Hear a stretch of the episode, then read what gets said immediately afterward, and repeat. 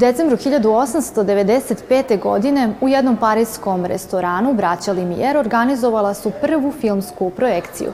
Bili su to počeci filmske umetnosti, a ovog decembra u Novi Sad stižu filmska ostvarenja iz čitave Evrope.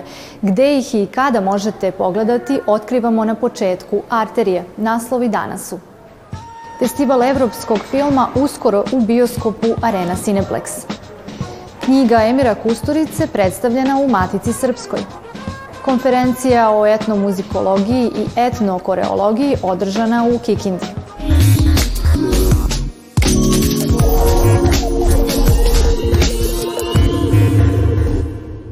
Ljubitelji sedme umetnosti imaće priliku da uživaju u evropskim filmovima i to besplatno. Od 14. do 17. decembra u Novom Sadu biće održan festival evropskog filma, a šta je sve na repertoaru i kako možete doći do karata, otkriva nam Aleksandra Bučko. Dobrodošli u Arteriju. Hvala vam. Koja filmska ostvarenja su se našla u ovogodišnjoj selekciji i koje teme su zastupljene? na festivalu evropskog filma ove godine preovladavaju teme negde socijalne teme, ali su u stvari veoma raznovrsne od patrijarhata, razbijanje stereotipa, rata, ljubavi, negde tog prijateljstva, zajedništva.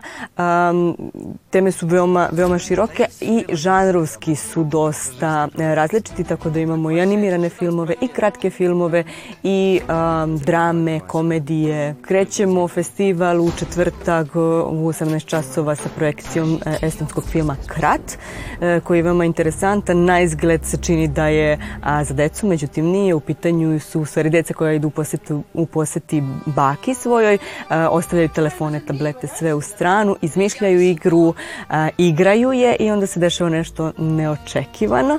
Film nije za, za decu, za odrasle, je veoma interesantan i mislim da je veoma u savremenom društvu onako to što je sada tema. E, takođe imamo i e, kooperaciju, koprodukciju Belgije, Nemačke, Italije. Ja sam dobro, u pitanju je drama, to je isto u četvrtak. U petak imamo e, filmove e, e, i iz Francuskog instituta, to je, koji su nam ustupili Francuski institut, koji takođe učestvuje u organizaciji e, ovog festivala. U, u pitanju su filmovi playlista, imamo i, i komediju Rio, questo Eh, Luksemburg, takođe imamo i film, eh, animirani film eh, Moja ljubavna afera sa brakom, to je poslednjeg dana u 20 časova i 30 minuta. U pitanju je animirani film koji govori o stereotipima i o tim nekim predrasudima, predrasudama sa kojima odrastamo, kako je važno naći drugu polovinu, potpuniti sebe i kako stvari ta glavna heroina prolazi kroz sve te neke stereotipe, kako ih razvija i na kraju pogledaju kako se odvija njen život kroz sve te situacije. Na koji način zainteresovani mogu doći do karata budući da su projekcije besplatne? Projekcije su besplatne, potrebno je prijaviti se putem linka koji je moguće pronaći na našem sajtu europa.rs i na našim e, mrežama na Instagramu i na Facebooku. E, mi smo negde stavili, ograničili kapacitete, međutim nisu svi koji se, e, osobe koje su rezervisale svoje mesto imaće prednost na samom ulasku u festival, ali nisu sva mesta maksimalno popunjena. Osim u Novom Sadu, festival se održava i u drugim drugim gradovima. Novi Sad je zapravo poslednji grad gde se održava festival evropskog filma. Do sada je Karavan putovao kroz Srbiju, tako i kroz Vojvodinu. E, mi smo zajedno sa organizacijama, kulturnim centrima, udruženjima građana organizovali e, projekcije i u Bečeju, i u Apatinu, u Ruskom krsturu, e, znači kroz razne, razne mesta u Vojvodini i to se i organizuje tako što se zapravo sve te institucije, organizacije, kulturni centri, ko je zainteresovan, prijavi se gde mi onda pošaljemo e, listu filmova a, koji nam prosledi Sine Evropa, koji u stvari a, i, kako ja da kažem, gra, kro, krovna organizacija a, ovog festivala. A, oni prosto prosleđuju filmove koji su dostupni na korišćenje, a, organizacije biraju koje žele, naprave repertoar kakav a, e, je njima i njihovoj zajednici najinteresantniji i zatim a, prave projekcije a, e, filma. Mi, na, na, naravno to promovišemo da bi došlo više ljudi došlo da bi prosto gledali. Kako ste došli na ideju da festival putuje kroz Srbiju i kakve su reakcije publike? mi smo se odlučili na, na taj koncept zato što prosto želimo da, da, da prosto što više građana a, ima mogućnost da prisustuje projekcijama, da ne budu nužno samo u mestima gde a, su dostupni bio, bioskopi ili kinematografske sale, već da možda se organizuje u nekom manjem mestu koje možda nema m, tu vrstu institucije kao što je bioskop i ljudi su zaista dobro reagovali, sale su bile pune, čak e, se dešavalo da ljudi iz susednih mesta dolaze ukoliko je u jednom mestu, tako da su to sve lepe e, stvari koje, koje, koje su se u stvari rodile iz ovog, e, ovog festivala evropskog filma. Hvala na razgovoru. Hvala vama. Thank you.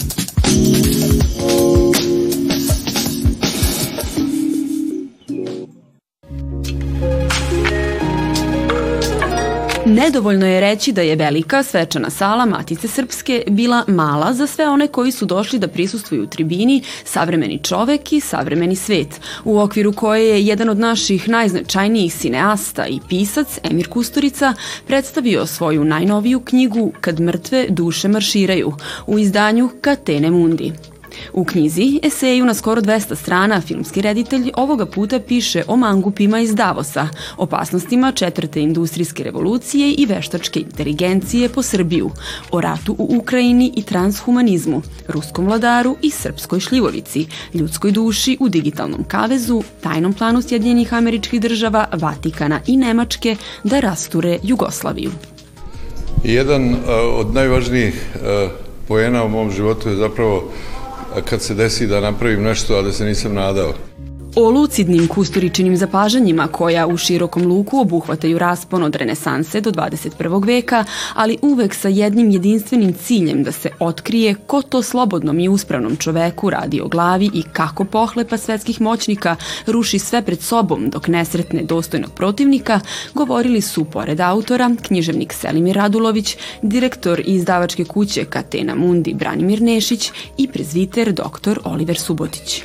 Sama činjenica da je Emir Kusturica odlučio da piše o temi veštačke inteligencije i o temi elektronske privatnosti i opšte društvo pod nadzorom i tako dalje je značajna sama po sebi. Ono što je meni jako značajno kao, kao i sveštenik koji čoveku koji se dve decenije bavi tom oblašću jeste što je njegovo osnovno polazište u vrednostnom smislu hrišćansko. Zasniva se na vrednostima kakve su istina, pravda, sloboda i on zapravo svojim tekstovima te vrednosti brani. Rečenicom da je mrak najgušći pred svitanje, koja čitaocu kao da uliva svojevrsnu dozu optimizma, Kusturica završava svoju knjigu. E, ovo su sve izgovoreni tekstovi koji su zapravo inverzno, kako bi rekao, stigli do papira, umesto da ja smišljam pa da vidim da najbolje e, vidim kad ne vidim, odnosno kad zamišljam, došlo je do toga da zapravo ideja o zapisivanju dolazi kao posljedica treniranja mozga koji izgovara reči. U svetu sebičnosti i pohlepe, dok mrtve duše marširaju svuda oko nas i stenice u bioskopskim salama se filigranski slažu sa kompostacijom ljudi, neminovno je da iščezavaju duhovnost i umetnost i da sa njima nestaje i autorski film – Bioskopska vrata su zatvorena, zavese su navučene, iznenađena i pomalo uplašena mrakom publika se utišala i sa nadom očekuje da filmska slika pobedi tamu i zaigra po platnu, piše Kusturica. A nama, čitaocima, ostaje da se nadamo da mrak zaista jeste najgušći pred svitanje.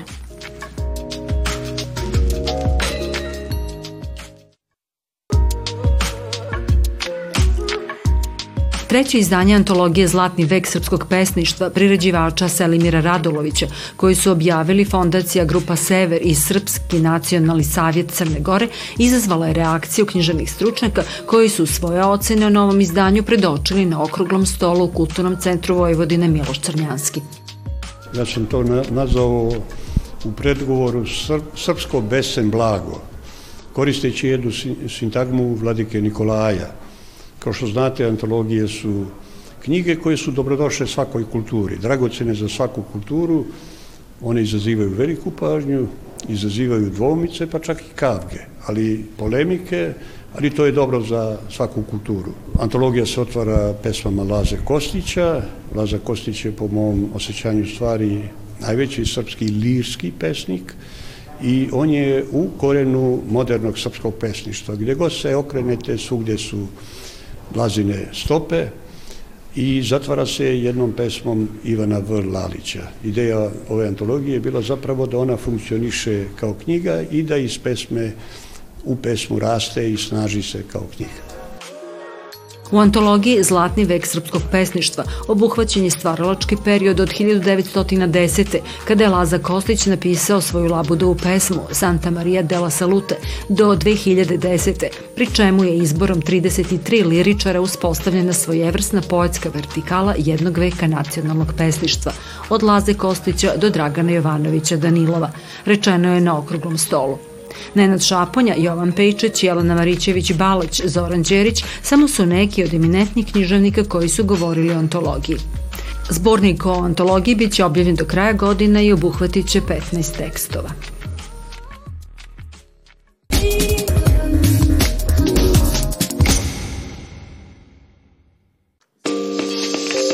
Međunarodna konferencija na temu etnomuzikologije, etnokoreologije i prakse prva ove vrste u našoj zemlji i u jugoistočnoj Evropi održava se u Kikindi organizacija Akademskog društva za negovanje muzike Gusle i Asocijacije za kulturu Banata i Stemišvara koje je upravo za domaći nove godine odabrala Kikinsko akademsko društvo. Biće to prilika da se na jednom mjestu sagledaju naučna istraživanja i umetnički pravci. Radi se o konferenciji koja posvećena jednoj prilično osvetljivoj oblasti, mogu da kažem slobodno modernim vremenima, nedovoljno a, a, regulisanom i nedovoljno pomognutom da bi imala nekakvu svetliju budućnost, ali ovakve konferencije upravo sluša da prepoznaju probleme i da pokušamo da ih dobro definišemo i da se borimo sa njima. Program naučne konferencije odvija se na nekoliko lokacija, tako da će pored izlaganja svojih radova kao i održavanja koncerata biti promovisane knjige učesnika koji su radili na polju etnomuzikologije, etnokoreologije i primenjenih igara. Da vidimo to što radimo u, u svetu nauke, koliko je to primenjivo u praksi, kakva, je, kakva bi ta polza bila za, za sam rad, neposredni rad sa, sa ansamblima, sa decom, ha, pa, to da kažem, i indirektno i na očuvanju našeg nacionalnog blaga. Prilikom otvaranja naučne međunarodne konferencije svečano upriličeno potpisivanje ugovora o saradnji Asocijacije za kulturu Banata, Saveza Srba u Rumuniji i Kikinskih gusala. Avem 20. Ove godine učestvuju 24 e, istraživača iz značajnih univerzitetskih centara Balkana a samo današnje sabranje e, jeste u cilju e, poboljšanja budućih partnerstva i istraživanja. U okviru konferencije drugog dana programa predviđen je okrugli sto na temu etnomuzikologija, etnokoreologija i etnologija u balkanskim zemljama. Zahvaljujemo vam se na pažnji, a sljedeći susret sa novim pričama iz sveta umetnosti i kulture zakazujemo već za sutra u dobro poznato vreme. Do tada svako dobro.